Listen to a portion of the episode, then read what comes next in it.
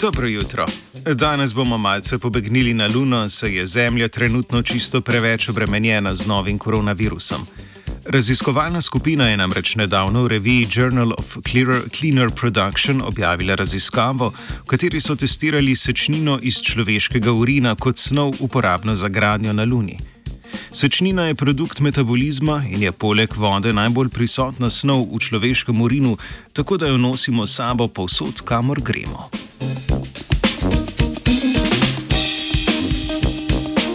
Zaradi povečanega zanimanja za raziskovanje nebesnih teles je znanstvena skupnost začela resno razmišljati o gradnji habitatov za astronaute in astronautke na Luni. To bi namreč olajšalo podvige raziskovanja od Zemlje zelo oddaljenih planetov, vendar je že sama gradnja na Luni lahko kar pošten zalogaj. Tam je namreč ogromno sevanja, velikih temperaturnih nihanj, ni pa kisika in meteoritov, in je, tega pa je veliko več kot na Zemlji.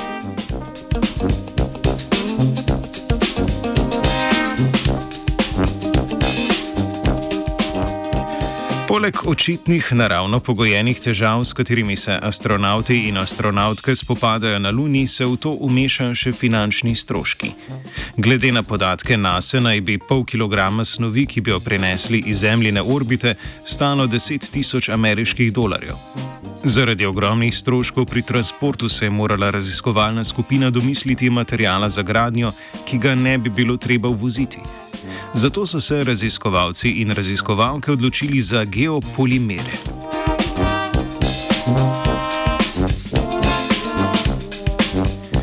Geopolimeri so anorganski materijali, ki so dobro odporni proti ostrim pogojem na Luni, hkrati pa lahko nudijo zaščito pred sevanjem in se jih da oblikovati, dokler se ne strdijo. Znanstvenice in znanstveniki so pomislili na geopolimer lunarnega regolita. Regolit je namreč rahla plast materijala na površju kamnin, ki jih na Luni najdemo v izobilju.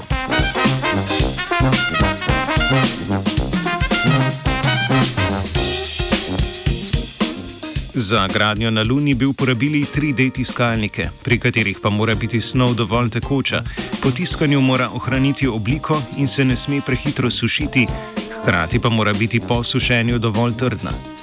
Geopolimeri sami po sebi niso tekoči in jih je posledično težko oblikovati, zato se jim za oblikovanje pogosto doda superplastifikatorje.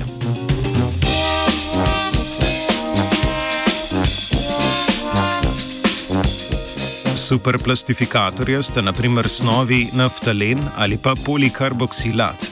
Snov ohranijo dovolj tekočo, hkrati pa zaradi njih ni treba dodati vode.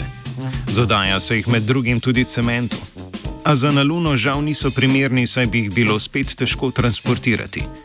Kot superplastifikator pa bi lahko uporabili tudi sečnino.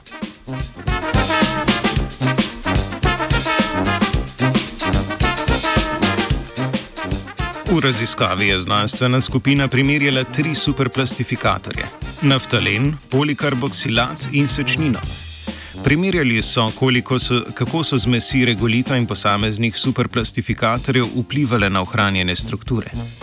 Zanimalo jih je, ali se je sveže oblikovani zmesi, zmesi struktura kaj spremenila, ko so jo obtežili. Primerjali so trajanje sušenja, trdnost, odpornost na temperaturna nihanja in odpornost na sevanje. V večini poskusov se je geopolimer sečnino izkazal za najbolj optimalno snov za gradbeništvo na Luni, le pri odpornosti na sevanje se je izkazal za slabega.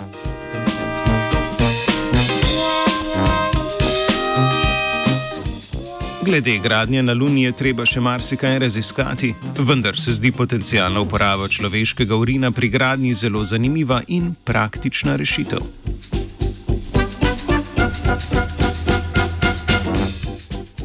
Na stranišče je pohitela Dora. Lulo, B.